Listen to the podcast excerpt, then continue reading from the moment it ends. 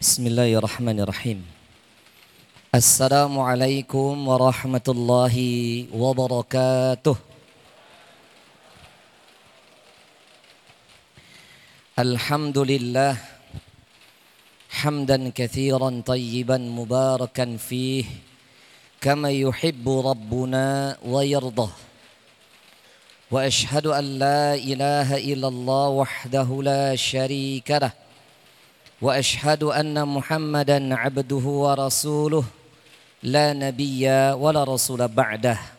اللهم صل وسلم وبارك على سيد المرسلين وإمام المتقين نبينا محمد صلى الله عليه وسلم وعلى آله وأصحابه ومن تبعهم بإحسان إلى يوم الدين. أما بعد فقال الله تعالى في القرآن الكريم أعوذ بالله السميع العليم من الشيطان الرجيم. يا أيها الذين آمنوا ادخلوا في السلم كافة ولا تتبعوا خطوات الشيطان إنه لكم عدو مبين.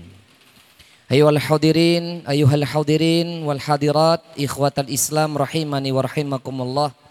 khusus kepada Dewan Asatidah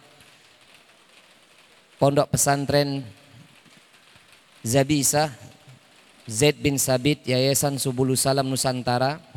Dalam hal ini Al-Fadil Al-Mukarram Ustadz Heri Hafizullah Ta'ala Wara'ah beserta keluarga besarnya serta para santri-santri yang semoga Allah menjaga anak-anak semua, dijaga keimanannya, dijaga ketaatannya, diberikan dan kemudahan jalan-jalan kebaikan hingga menjadi para alim-alim ulama dan juga para wali santri serta para jamaah yang diberkahi oleh Allah. Amin Allahumma amin. Alhamdulillah pada kesempatan di waktu yang sangat mulia ini yang kita sama-sama sudah tahu, sama-sama sudah memahami Yaumul Jum'ah adalah satu di antara waktu yang paling Allah Ta'ala cintai di antara waktu yang lainnya. Bahkan di waktu yang mustajab ini di sore hari yang diturunkan rahmat di dalamnya ini hujan. Semoga Allah Subhanahu wa taala mengumpulkan semua kebaikan ini sebagaimana dikumpulkannya di tempat kita ini di pondok pesantren ini semoga berkumpulnya kita bersama berkumpulnya rahmat Allah yakni dikumpulkan kita dalam keimanan bertambah keimanannya bertambah ketakwaannya hingga kita semua kelak diwafatkan dalam keadaan syahid atau husnul khatimah amin Allahumma amin. Dan di kesempatan yang bermunajat ini kita kesempatan yang mustajabah ini kita bermunajat kepada Allah dengan satu doa yang diajarkan Nabi sallallahu alaihi wasallam Allahumma inni as'aluka minal khairi kullihi ajilihi wa ajilihi ma alimtu minhu wa ma lam a'lam. Duhai Allah sesungguhnya aku memohon hanyalah kepada engkau segala kebaikan yang datang dengan cepat dan yang lambat kebaikan yang aku tahu atau tidak aku ketahui. Kita memohon kepada Allah segala kebaikan tersebut. Wa a'udzu bika au na'udzu bika minasyarri kullihi ajlihi wa ajlihi ma'alimna minhu wa ma lam na'lam. Dan kita berlindung kepada Allah dari segala keburukan-keburukan yang dia datang dengan cepat ataupun yang lambat yang kita tahu atau tidak kita ketahui. Maka kita jawab apa? Amin Allahumma amin Jamaah yang oleh Allah sebagaimana disampaikan oleh Al-Fadil Al-Mukarram Al-Ustadzuna Ustaz Heri kita akan membahas kembali yakni pembahasan tazkiyatun nufus atau kalau bahasa lainnya adalah tasawuf ya. jadi jangan fobia dengar kata tasawuf ya ini kalau orang-orang nggak ngerti ilmu tasawuf dianggap bid'ah. Tasawuf dengan tazkiyatun nufus itu sama sudah saya katakan itu berbicara tentang olah jiwa sudah kami sampaikan bagaimana juga ulama-ulama salaf terdahulu, ulama-ulama ahlu sunnati wal jamaah juga memiliki bab-bab tasawuf di dalam kitab-kitab mereka. Hari ini kita masih melanjutkan yakni asyur qawaid fi tazkiyatin nafsi. Sepuluh kaidah dalam membersihkan jiwa. Dan insya Allah ta'ala hari ini kita masuk di kaidah yang ketiga. Semoga Bapak Ibu yang hadir pada kesempatan ini dan yang berada di rumah ditolong oleh Allah untuk bisa memahami ilmu ini Semoga mudah faham, menjadi ziyadatul iman tambahan keimanan, wa ziyadatul ta'ah ketambah bertambah ketaatannya dan semoga setelahnya dibukakan pintu-pintu kebaikan yang banyak. Amin Allahumma amin. Baik kita masuk jamaah setelah kaidah yang kedua di pertemuan bulan lalu kita telah membahas kunci kedua atau kaidah kedua kemarin adalah berdoa. Betul apa tidak? Yang panjenengan lupa itu loh. Yang nyatat aja lupa apalagi yang tidak nyatat. Dan apalagi yang tidak ada datang. Yang datang duduk baca doa bismika Allahumma Nah, turu lah nggak ngerti meneh Ya. Jadi insya Allah Ta'ala di pertemuan yang lalu kita telah membahas yakni kaidah yang kedua dalam membersihkan jiwa kata masyayikh kita yakni Syekh Abdul Razak beliau mengatakan adalah berdoa. Ya, kita sudah bahas itu dan doanya sudah kita pelajari bersama. Dan kemudian juga saya sudah sampaikan seorang mukmin yang bertakwa apalagi derajatnya sudah menjadi waliullah sudah menjadi kekasih Allah, kebutuhan mereka dan semoga kita sampai di makom itu nggih. Amin Allahumma amin. Kalau kita sudah sampai di makom waliullah kekasih Allah, kebutuhan kita terhadap doa itu melebihi kebutuhan kita dibandingkan dunia beserta isinya. Tapi kalau hari ini rata-rata kita kan kebutuhan doanya dengan kebutuhan dunia lebih banyak kebutuhan dunianya dibandingkan doa itu sendiri. Laras nopo botan? Ya, laras nopo botan? Ya, saya ngaku semoga diampuni dosa-dosa nih. Diangkat derajate. Saya orang ngaku tak doain dapat hidayah. Kita betul ini kenyataan wakil ini. Kenyataannya memang kebutuhan dunia kita melebihi daripada kebutuhan kita terhadap doa. Bahkan ini agak ekstrim ya, tapi jangan ditiru. Bukan berarti ungkapan ini disalah maknain. Contoh ya, sekelas ini maaf ya sekelas ulama salah satu ulama kita yang ada di Nusantara kita ini yang diakui kealimannya. Ini maaf bagi jamaah yang berada di sini saya minta berbaik sangka dengan saya ya. Berbaik sangka dengan ilmu yang saya sampaikan karena ini ada sanatnya. Lalu kemudian yang di rumah juga jangan salah paham walaupun nanti komentarnya seperti apa saya nggak ambil pusing. Misalnya ungkapan seorang alim ulama hari ini yakni Al-Fadil Kiai Haji Bahauddin, Bahauddin Nur Salim atau lebih terkenal dengan Gus Baha. Di dalam kajiannya saya sering mengikuti mengikuti beberapa kajian ulasannya. Beliau menukil ungkapan seorang ulama salaf di kalangan tabi'in. Yakni bernama Sufyan Ats-Tsauri. Nah, coba. Jadi kalau orang alim itu tidak pernah mengatakan menurut saya. Nah, itu kalau udah menurut saya itu tidak alim berarti. Seorang guru kalau menandai ngalim itu kalau nggak sebut siapa gurunya, siapa ulamanya, apa kitabnya. Ya, kalau saya perhatikan sekelas beliau ini jarang mengungkap, menurut saya tidak ada. Jadi kitabnya disebut, ulamanya disebut. Beliau menukil perkataan Sufyan Ats-Tsauri. Jadi di, difahami oleh disampaikan oleh Sufyan Ats-Tsauri dan murid-muridnya, beliau termasuk orang yang paling sedikit beristighfar. Paling sedikit beristighfar secara zahir. Kenapa beliau demikian? Karena Ternyata kalau orang alim itu caranya ingin mendapatkan doa dan berdoa itu dengan cara yang tidak biasa. Kenapa orang-orang alim atau tingkat wali tingkatan waliullah itu doanya berdoanya beda dengan kita?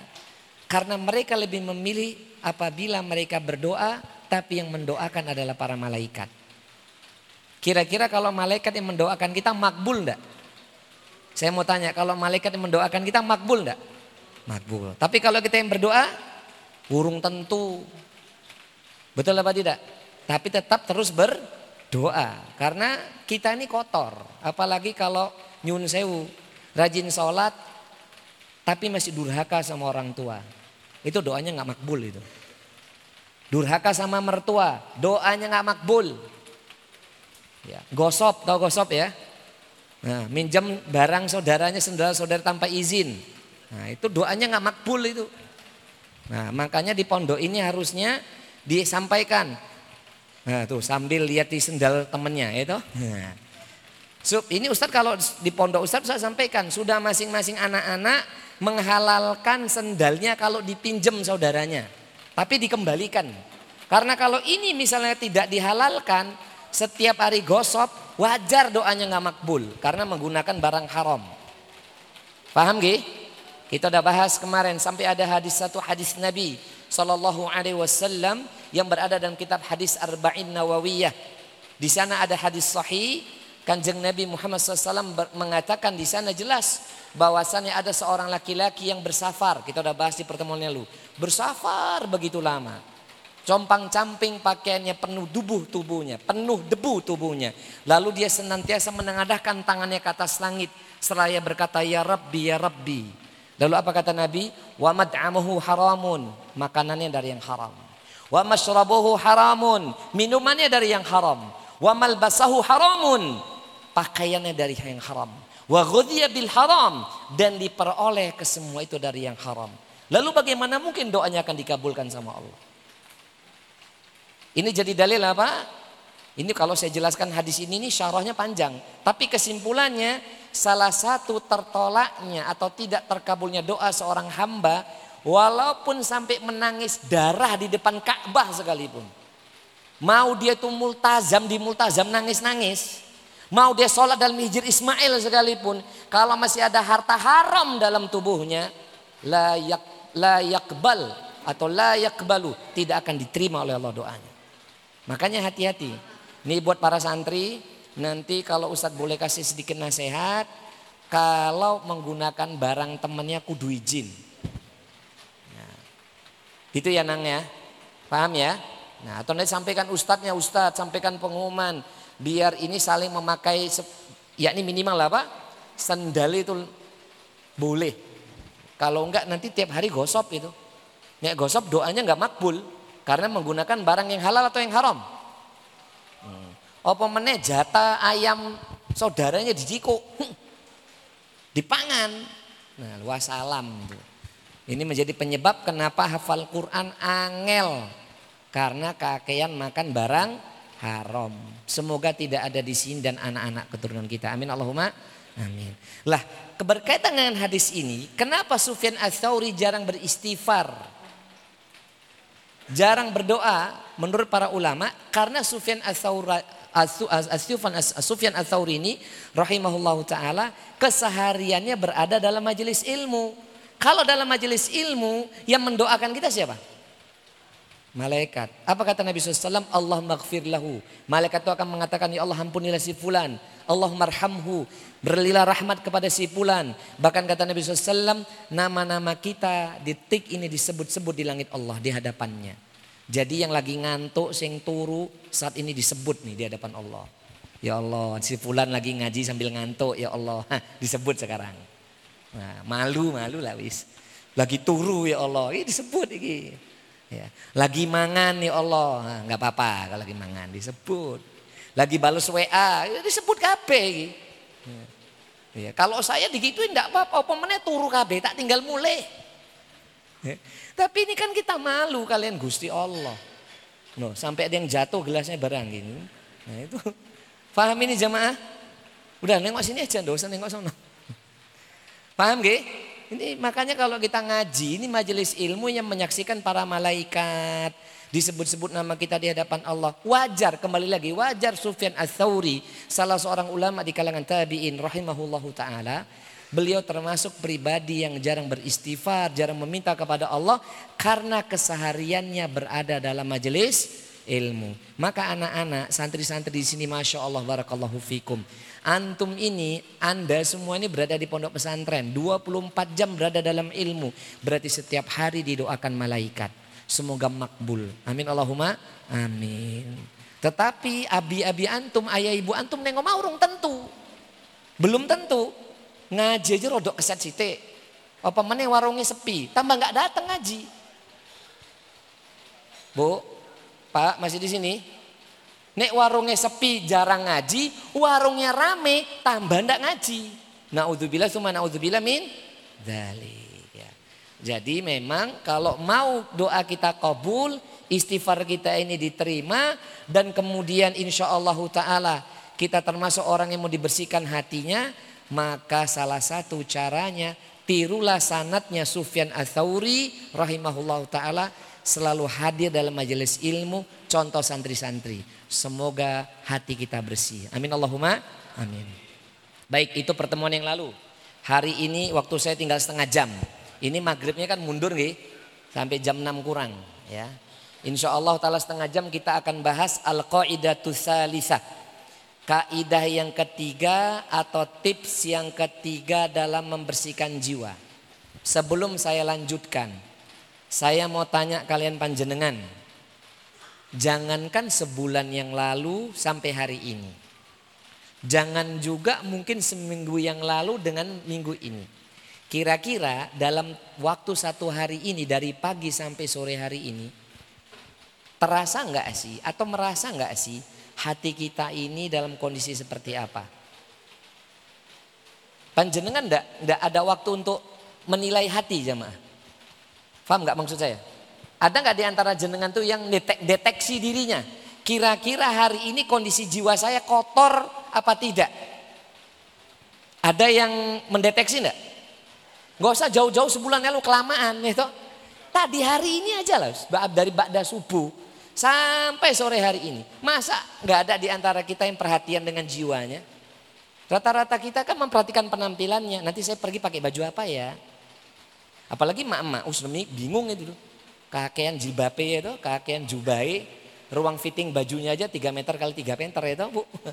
Ya bingung. Ya. Nek santri kan sarungnya pironang. Dua tok sarungnya. Ya, tapi dicuci buatan. Cuci enggak? Jangan sampai ambunya perengus loh ya. Lanjut ya. Pokoknya kalau udah baunya enggak enak, segera cuci. Semoga nanti diganti Allah dengan lebih baik. Amin Allahumma. Amin. Tapi kalau dicuci ojo dijiko koncone. Bahaya ini. Ya saya ulangin. Kalau orang yang bertakwa itu harusnya dalam seharinya aja sudah deteksi itu kondisi jiwanya. Ya Allah kira-kira hati saya kondisi hari ini gimana ya? Lagi futur enggak ya? Kondisinya lagi gimana ya? Nambah enggak nih keimanannya enggak ya? Kira-kira lagi lost doll enggak ya? Jiwanya doll napa boten? Lost doll ini apa? Futur, futurnya parah. Sampai ndak bisa merasakan, sampai ndak bisa deteksi jiwa saya ini kondisinya seperti apa. Ini kalau kita nggak bisa menilai jiwa kita seperti apa kondisinya, itu berarti futurnya kebangetan. Oh saya merasa nyaman kok Ustaz. Saya ngaji terus. Pokoknya kondisi saya itu paling bagus. Lah justru kalau kondisinya seperti itu, itu futur tenanan itu. Tak kandani ya, tak kandani nggih. Saya ulangin nggih. Jadi kalau kondisi jiwa merasa saya jiwa saya hari ini paling mantep Pak Ustaz. Paling jos. Justru ini futur tenanan ya iki. Kenapa? Karena dia takjub sama dirinya sendiri seperti iblis. Paham? Ada orang-orang yang alim di negeri ini, sudah wafat beliau, seorang alim ulama. Beliau ketika melihat santrinya itu khusyuk sekali. Dalam waktu sepekan khusyuk banget, malah dinasihati. Aneh nih kalau sudah orang alim itu tingkatannya itu kan kalau ngelihat santri muridnya kan beda. Kalau khusyuk banget malah ditegur. Le, rasa terlalu khusyuk le. Biasa aja. Loh kenapa? Ya Syekh, kenapa saya harus yakni harus nggak boleh khusyuk banget? Wis pokoknya manu toh. Manu toh. Bingung dia sampai suatu hari ketemu jawabannya. Kalau seorang hamba selalu terasa apa ya khusyuk banget dalam ibadahnya. Sholat malamnya kenceng terus sepekan begitu itu nanti muncul penyakit aku lebih baik dari orang lain.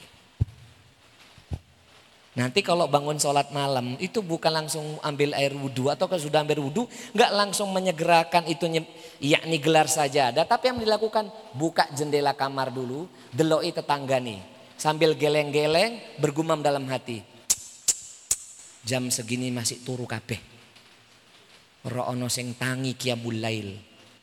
Nggak koyo aku gitu. Nah, ini futur sefutur-futurnya hati. Karena niru siapa? Iblis. Nggak percaya? Buka surat Sot. Ketika Allah katakan, kenapa kamu itu nggak mau sujud kepada apa yang kuciptakan dengan tanganku? Apakah kamu lebih baik, merasa lebih sombong, lebih tinggi dibandingkan dia? Apa jawaban iblis? Ana khairum minhu. Aku lebih baik daripada dirinya ya Rob. Nah. Tapi kalau jiwa merasa ya Allah, sudah sekian ibadah yang saya kerjakan hari ini. Kok hati saya masih butuh Kok hati saya ini masih butuh dinasihati. Hati saya kok masih gersang ya Allah. Hati saya ini kok masih liar ya Allah. Hati saya ini masih butuh zikrullah ya Allah. Ini baru hati yang menuju kepada hati yang bersih. Tapi ketika ndak iso ngerasakan apa pun, nah ini tadi futur level kedua. Kok dengan level pertama level iblis ya toh? Level kedua apa? Tidak bisa merasakan kualitas imannya, kualitas hatinya seperti apa. Ini musibah ya. Semoga tidak ada di sini ya. Amin Allahumma. Amin. Taib. Maka yang ketiga kata Syekh adalah Al-Qur'anul Karimu Al-Qur'anul Karim manba'u tazkiyati wa ma'inuha. Kaidah yang ketiga adalah Al-Qur'anul Karim merupakan sumber pembersih jiwa dan penolongnya. Jadi kiat yang ketiga dalam membersihkan jiwa adalah Al-Quranul Karim merupakan sumber pembersih jiwa dan penolongnya. Nah ini kan harus dibahas. Ustadz apakah yang dimaksud Al-Quran itu kita baca saja atau bagaimana Ustadz? Nah ini mau kita bahas. Jadi sumber ketiga apa? Kiat yang ketiga dalam membersihkan jiwa. Al-Quranul Karim merupakan sumber pembersih jiwa dan penolong ji, jiwa. Nah, maka kesimpulannya ya saya sampaikan, kalau hati lagi gersang, kalau hati lagi merasa lebih baik daripada orang lain, seperti futurnya iblis itu loh, atau nggak bisa merasakan kondisi iman seperti apa, cepat-cepat selain kaidah yang pertama, kaidah yang kedua, cepat-cepat ambil ambil wudhu, minimal baca tuh Quran. Ya. Nah, dalil utamanya mana Ustadz? Dalil utamanya nih kalau saya di kitab ini nggak dijelaskan surah apa keberapa, tapi seingat saya ini adalah surah Al-Ahzab ayat 21. Coba dicek, mana tahu saya ini salah. Ini adalah dalil yang dinukil oleh Syekh rahimahullahu taala, hafizullahu taala tentang Al-Quran merupakan sumber pembersih jiwa dan penolongnya. Surah Al-Ahzab ayat 21. Mudah-mudahan tidak salah. Wa qala ta'ala Laqad manna Allahu 'alal mu'minina id ba'atha fihim rasulan min anfusihim yatlu 'alaihim ayatihi wa yuzakkihim wa yu'allimuhumul kitaba wal hikmah. Coba dicek, betul apa tidak? Al-Ahzab ayat 21. Apa kata Allah? Laqad mannallahu 'alal mu'minina. Lamnya lam taukid, qadnya qad taukid. Berarti ada dua kalimat penekanan. Benar-benar sungguh atau sesungguhnya sangat benar-benar sungguh Allah telah mengaruniakan, telah memberikan karunia kepada orang mukmin. Apa karunia yang Allah telah berikan kepada orang mukmin? Jamaah masih di sini? Kok saya nangkap sinyal-sinyal sudah redup ini? Ngantuk? Ngeleh? Podo. Ya Allah. Semangat ya. nanti kalau udah selesai ngaji, bintak sama Allah biar makan bakso. Jenengan bayar masing-masing, ustate mulai bayar. Ya. Ini Ustaz Heri bu, jangan saya disediakan bakso, jangan. Jangan ini malah bakso. Jangan, jangan, jangan. Nanti langsung ke tempat depan aja. Guyon, guyon. Ya. Betul nggak Al-Ahzab 21? Udah dicek? Benar? Bukan? Ali Imran. Ayat berapa? 164. Ali Imran 164. Ya, wa qala ta'ala laqad mannallahu 'alal mu'minina. Dan ini soalnya di kitab saya di kitab Gundul ini tidak dicipta tidak diterakan surat apa ayat berapa ya. Nyun sewu kalau salah menyebutkan surat dan ayatnya. Laqad mannallahu 'alal mu'minina dan benar-benar sungguh atau sesungguhnya Allah telah mengaruniakan bagi orang mukminin. Bagi orang-orang mukmin apa itu? Id ba'atha fihim rasulan. Ketika Allah mengutus para rasul min anfusihim dari golongan mereka sendiri. Berarti apa yang pertama? Karunia terbesar orang mukmin itu adalah Rasulullah. Jadi tidak ada karunia yang melebihi diutusnya baginda Nabi Muhammad Sallallahu Alaihi Wasallam. Jadi kalau ada orang di antara kita rajin ibadah, rajin macam-macam mengatakan, Ya Allah, Allah memberikan karunia terbesar dalam kehidupan saya. Ya ini apa karunia besarmu? Pasangan yang solih. Salah. Pasangan yang soliha. Salah. Saya dikaruniai anak-anak santri yang Masya Allah, hafid-hafid Quran, alim-alim. Itu karunia terbesar dalam kehidupan saya. Salah. Tidak ada karunia yang paling besar dan paling utama yang diberikan Allah kepada orang mukmin melebihi Allah mengutus Nabi Muhammad sallallahu alaihi wasallam. Makanya ini pemahamannya harus digeser. Jadi kalau ada di antara kita yang memahami pondok pesantren karunia terbesar, santri-santri karunia terbesar, anak-anak hafid-hafid Quran karunia terbesar, tidak. Karunia terbesar adalah Allah mengutus para orang mengutus Rasulullah Muhammad sallallahu alaihi wasallam. Faham sampai di sini? Sambil saya cek nih, benar enggak ini? Ya, surah Ali Imran 164, benar. Lalu kemudian Allah Ta'ala mengatakan, ketika Allah mengutus Rasul, karunia terbesar yang kedua apa? Yatslu alaihim ayatihi. Yang mana Rasulullah Muhammad SAW yatslu alaihim membacakan atas mereka yakni kita apa? Ayatihi tanda-tanda kebesarannya. Masih di sini? Lah kalau berbicara ayat jamaah perhatikan ya ini tafsir sedikit tafsir. Jadi kalau Allah mengatakan ayatihi ayatihi gitu nggih?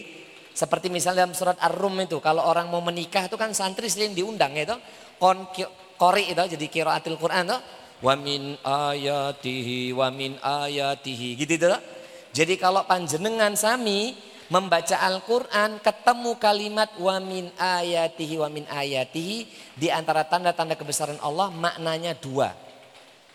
Ya ayat-ayat Allah itu terbagi dua. Pertama ayatul qauliyah. Apa namanya? Ayatul qauliyah. Ayat apa namanya tadi qauliyah. Kalau ayat-ayat qauliyah itu terbagi dua, Al-Quran dan hadis Nabi.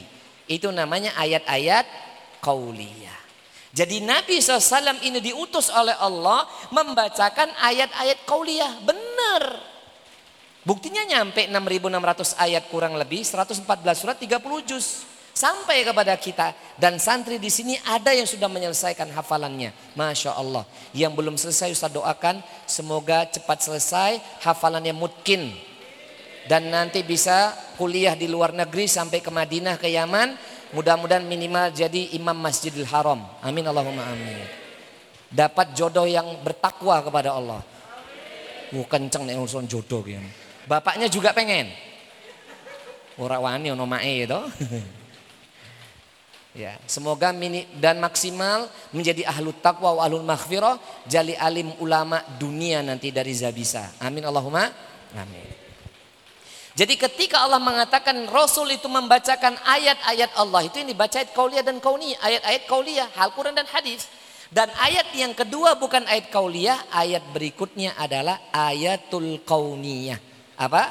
Ayatul kauniyah. Apa tuh ayat-ayat kauniyah ya Ustadz? Ayat-ayat kaunia maknanya adalah peristiwa yang telah berlalu jauh dan yang sekarang kita rasakan sampai waktu yang kita tidak tahu ke depan. Jadi peristiwa yang telah berlalu dan yang akan datang. Itu namanya ayat-ayat kaunia. Misalkan hari ini. Detik ini jelas. Ini kondisi majelis taklim seperti ini. Majelis ilmu ini namanya ayat-ayat kaunia ini namanya. Termasuk Allah mendatangkan ayat-ayat kauniyahnya kepada kita banyak. Tapi banyak kaum muslimin tidak mau kembali kepada Allah. Misal ketika Allah jadikan Cianjur. Wong kita kan nggak lama. Dari Palu, Lombok, Palu, Cianjur. Betul apa enggak? Terus kemudian gempa lagi kemarin di Sukabumi. Betul apa tidak? Ini Allah telah menampakkan tanda-tanda kebesarannya. Tapi berapa orang yang mau sadar kembali? Faham ini? Dan Allah ini kata para alim ulama ya, ini tanda-tanda kebesaran Allah. Ini alim ulama telah menyampaikan dalilnya banyak. Kalau sudah di suatu tempat itu didatangkan gempa oleh Allah, mesti ada satu dosa yang tidak ditolerir oleh Allah. Yakni apa? Kesyirikan. Jadi kalau kesyirikannya sudah melanda, sudah dibiarkan di legal formal, tunggu saja. Kalau enggak buminya, daratan yang dibuat gempa, lautnya itu tsunami, gunungnya meletus.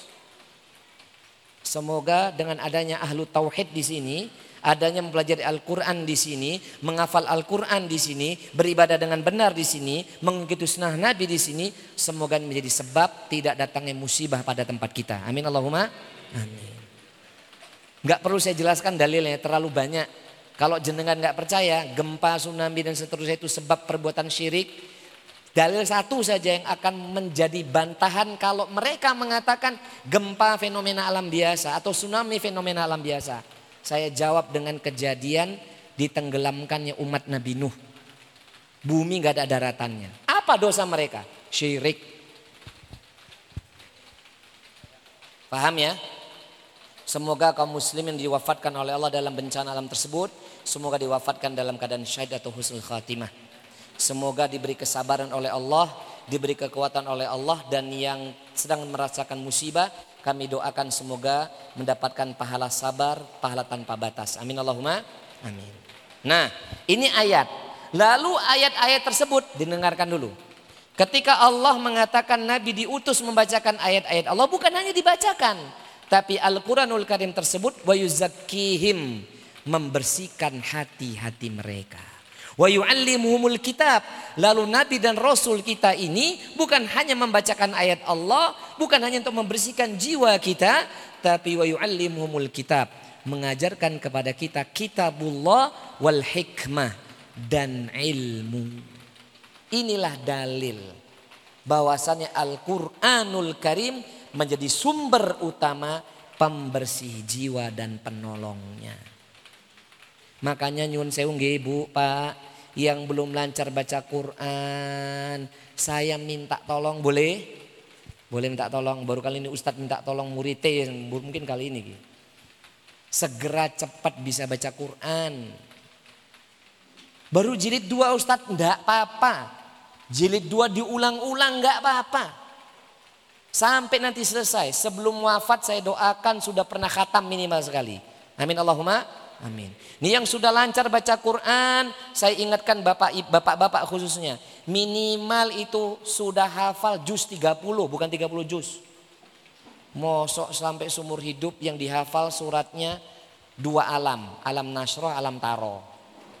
Empat kul, al-kafirun, al-ikhlas, al-falak, an-nas. Wassalam. Surat terpendek apa? Al-asr sama al-kausar. Kuitok yang dihafal.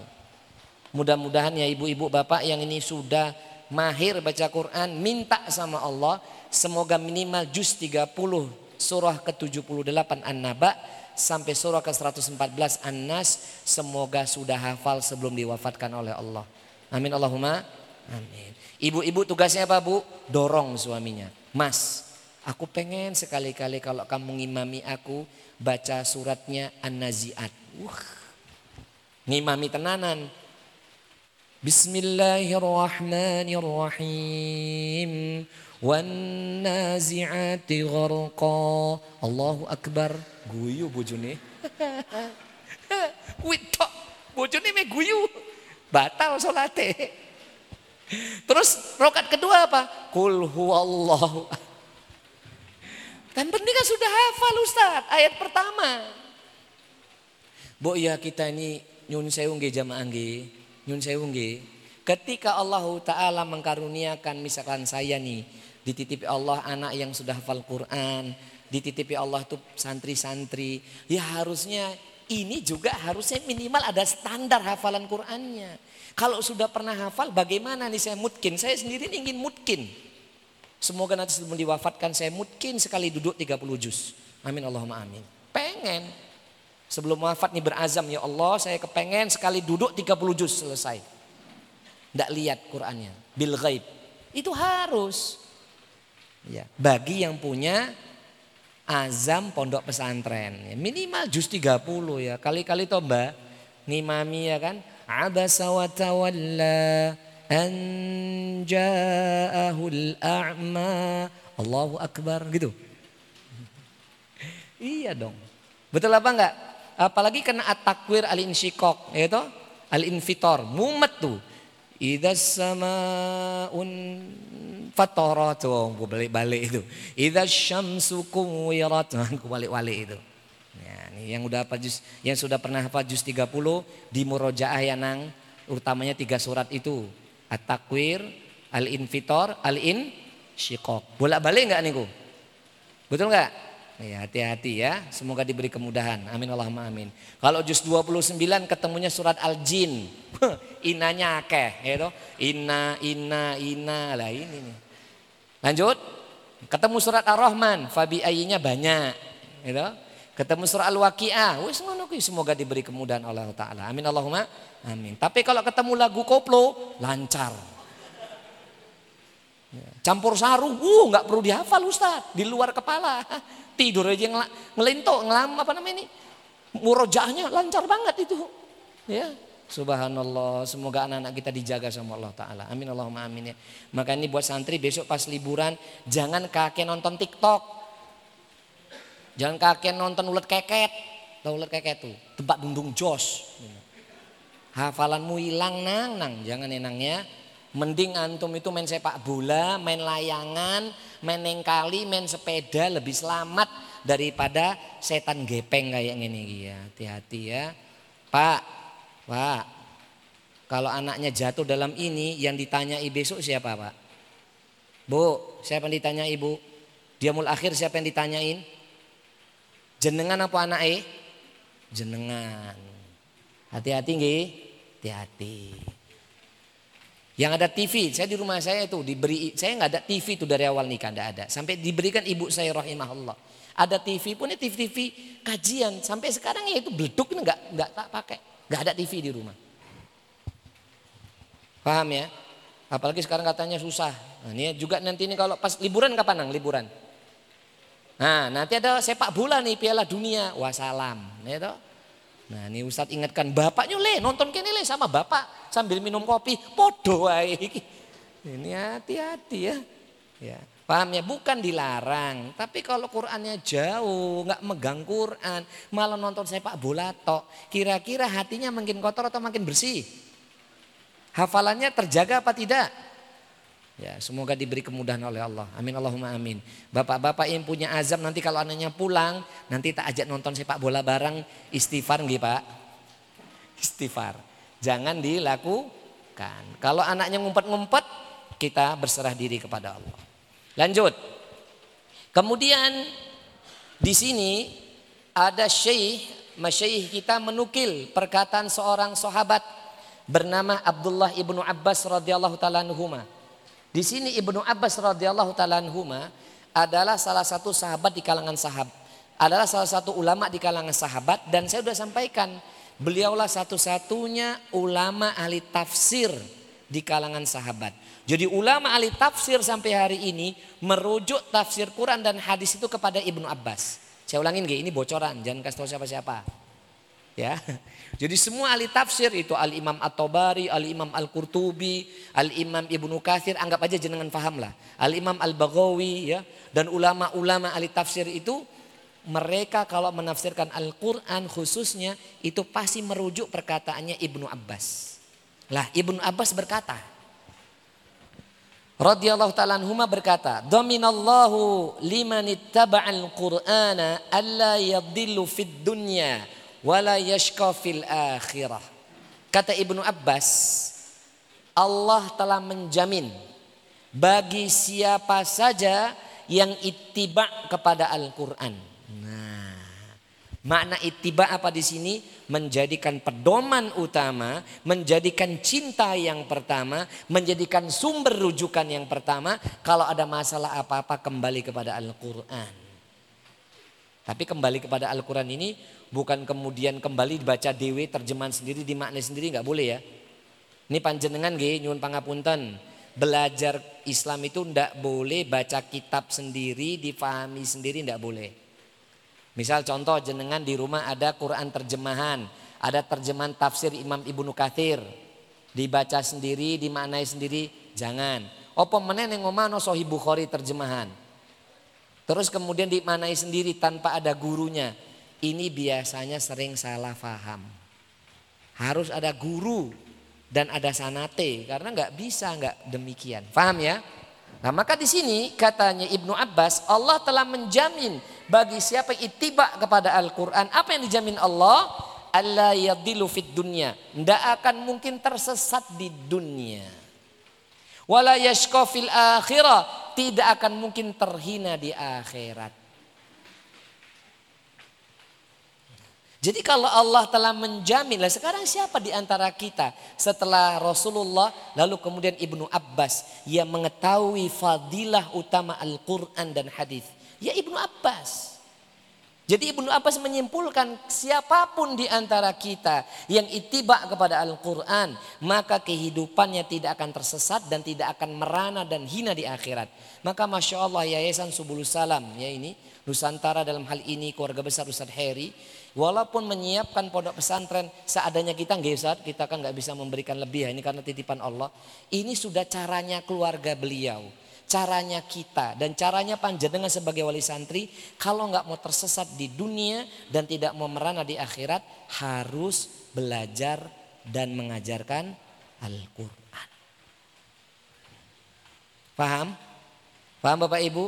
Tidak ada yang lain. Apa panjenengan mau menggantikan kebahagiaan akhirat dengan kebahagiaan dunia hanya yang tidak sementara, yang hanya tidak seberapa ini? Mau nggak menggantikan itu? Saya mau tanya jamaah, apakah wong wong suge melegedu du du du neng kono neng coba kono ki? Sing wong suge kuwi tajir melintir ter ter neng kono ki. Apa dia nentu bahagia hidupnya? Padahal dia jauh dari Al-Quran dan hadis Nabi SAW. Jauh dari alim ulama. Hmm? Allah Ta'ala mengatakan jemaah. Waman a'rada waman a'rada ala waman a'rada an dzikri fa inna lahu ma'isyatan donka. Mak dan siapa saja a'rada an dzikri yang berpaling dari berzikir kepada aku, yang berpaling dari peringatan kepada aku, berpaling dari Al-Qur'an, berpaling dari nasihat Allah dan nabinya, berpaling dari belajar kepada alim ulama, fa inna lahu ma'isyatan donka. Maka sesungguhnya baginya kehidupannya sempit. Semoga bukan kita ya jamaah. Maka jangan gumunan jangan kagetan nek delok wong sugih. Ngaten nggih? Delok turun dari mobil Alprat ya, Alprat apa Alphard? Alpret itu turun dari mobil yang mahal, ya Lexus apa Rolls Royce. Uh, ngono. Ih keren banget kayak opa-opa, opa enak dimakan, ngono. Uh keren banget dia masya, ya masya Allah jina masya, masya Allah turun dari mobil mewah, cadaran, ala sunnah, ngono yo takjub, biasa aja kali. Ih tasnya branded, mereknya Hermes sampai gemes, ngono. Biasa aja nih ngomong suge, urung tentu bahagia hidupnya. Tapi tugas kita mendoakan semoga bahagia dunia akhirat. Gak usah gumunan, gumun itu nyun sewu, lihat uang miskin, nyun sewu, lihat orang fakir, orang miskin tapi tak beribadah kepada Allah. Gumun itu lihat mereka yang tidak pernah meninggalkan sholat lima waktu di masjid. Gumun itu kalau sholat subuhnya berjamaah di masjid walaupun susah. Gumun itu sudah susah masih bisa bantu orang. Faham? Tidak usah gumun lihat uang kaya, biasa aja. Apalagi artis, iya artis. Hmm. Ya santri-santri nggak boleh ada idola artis. Faham? Apa Ronaldo? Nggak ada. Nanti kita sampai itu. Idola kita yakni kanjeng Nabi Muhammad Sallallahu Alaihi Wasallam. Mengidolakan Ustadz Heri aja enggak boleh. Mengidolakan saya aja enggak boleh. Idolakan bagi antum semua, anda semua, panjenengan semua adalah baginda Rasul Sallallahu Alaihi Wasallam. Lanjut. Sampai jam berapa kita? Jam 12 malam. Mendower aku jenengan turu aku ngomong terus. Lanjut. Oh. Lanjut. Apa turu nih sing lanjut apa pribun?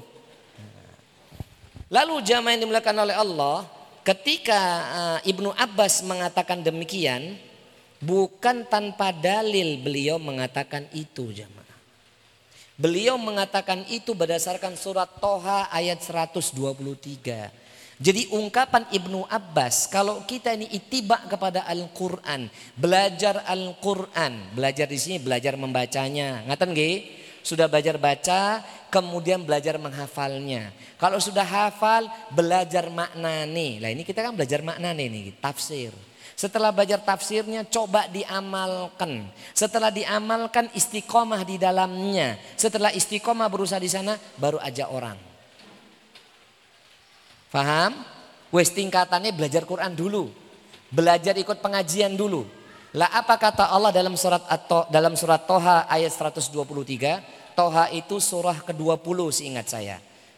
Ayat 123. Wa qala ta'ala sama ini, "Faman ittaba'a hudaya fala yadhillu wa la yashqa." Maka barang siapa yang mengikuti ittiba kepada hudai.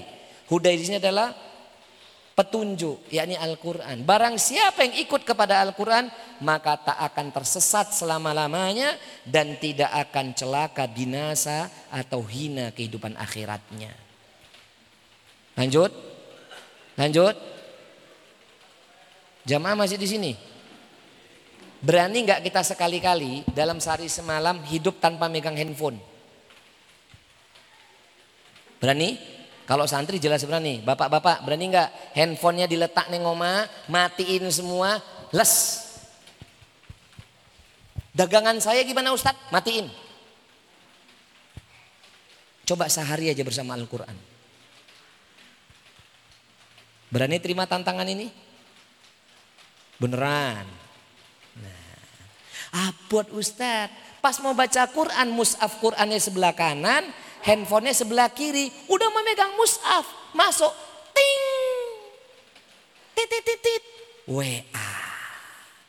Akhirnya yang dipegang yang mana? Handphone jujur Masya Allah, yang jujur semoga diangkat derajatnya.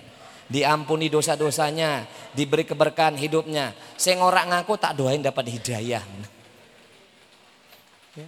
Betul apa enggak ini? Ini mushaf, ini handphone.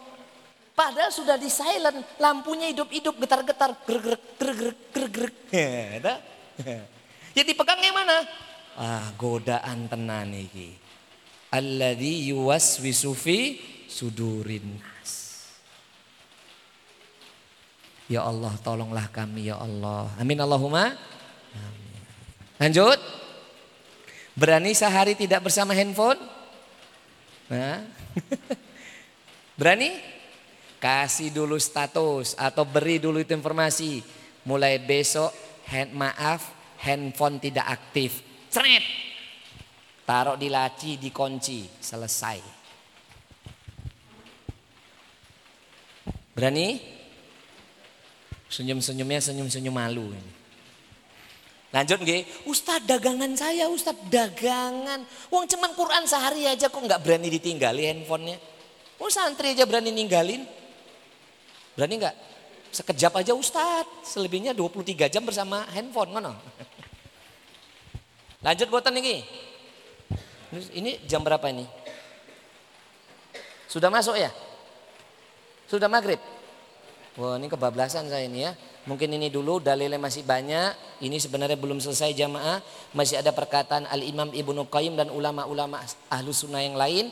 Karena waktu kita terbatas, mumpung masih hujan dan belum terdengar azan di masjid. Kita akhiri dengan berdoa. Semoga Allah Ta'ala mengampuni segala dosa dan kesalahan kita. Mengangkat derajat kita menjadi hamba yang bertakwa. Dan semoga para pemimpin bangsa kita yang beriman kepada Allah. Bapak Presiden kita, Bapak Wakil Presiden kita. Dan semua para alim ulama khususnya ulama dan umara. Semoga dijauhkan dari balak dan musibah. Diberikan hidayah di atas keimanan. Diberikan kebaikan dunia dan akhirat. Dan itu juga meliputi diri kita, keluarga kita dan anak keturunan kita. Masing-masing beristighfar terlebih dahulu. Astaghfirullahaladzim. أستغفر الله العظيم. أستغفر الله العظيم. إن الله الغفور الرحيم. أعوذ بالله من الشيطان الرجيم. بسم الله الرحمن الرحيم. الحمد لله رب العالمين. حمدا شاكر حمدا ناعم حمدا يوافي نعمه ويكافئ مزيدا. يا ربنا لك الحمد كما ينبغي وعظيم سلطانك. اللهم صل وسلم وبارك على محمد وعلى آل محمد. اللهم يا الله يا رحمن يا رحيم. اللهم يا الله يا غفور الرحيم بأسمائك الحسنى اغفر لنا ذنوبنا ولوالدينا وذرياتنا وتوفنا مع الأبرار. اللهم ربنا ظلمنا أنفسنا وإن لم تغفر لنا وترحمنا لنكونن من الخاسرين. ربنا اغفر لنا ولإخواننا الذين سبقونا بالإيمان. ولا تجعل في قلوبنا غلا للذين آمنوا. ربنا إنك رؤوف رحيم. اللهم اغفر لنا ولوالدينا warhamhum kama rabbawna sighara. La ilaha illa anta. Subhanaka inni kuntu minadh zalimin. Rabbana rabbana la tuzigh qulubana ba'da idh hadaitana wa hab lana min ladunka rahma. Innaka antal wahhab. Allahumma ij'alna minat tawabin waj'alna minal mutatahirin allahumma ij'alna min ibadikal mukhlisin wa min ibadikal sabirin wa min ibadikal اللهم بارك لنا في رزقنا وبارك لنا في عمرنا وبارك لنا في أهلنا. اللهم يسر لنا أمورنا في الدين والدنيا والآخرة. اللهم إنا نسألك من الخير كله عاجله وآجله ما علمنا منه وما لم نعلم. ونعوذ بك من الشر كله عاجله وآجله ما علمنا منه وما لم نعلم. اللهم إنا نسألك الحسن الخاتمة. اللهم إنا نسألك الحسن الخاتمة. اللهم إنا نسألك الحسن الخاتمة. ربنا ربنا تقبل دعاءنا. ربنا تقبل دعاءنا. ربنا تقبل منا إنك أنت السميع العليم. وتب علينا إنك أنت التواب الرحيم. ربنا ربنا آتنا في الدنيا حسنة وفي الآخرة حسنة وقنا عذاب النار. وقنا عذاب النار يا عزيز يا غفر يا رب العالمين. وصلى الله على نبينا محمد. سبحان ربك رب العزة عما يصفون. والسلام على المرسلين والحمد لله رب العالمين. Kita akhiri dengan kafaratul majlis. Subhanakallahumma wa bihamdik asyhadu an la ilaha illa anta astaghfiruka wa atubu ilaik. Wal akhir wassalamu alaikum warahmatullahi wabarakatuh.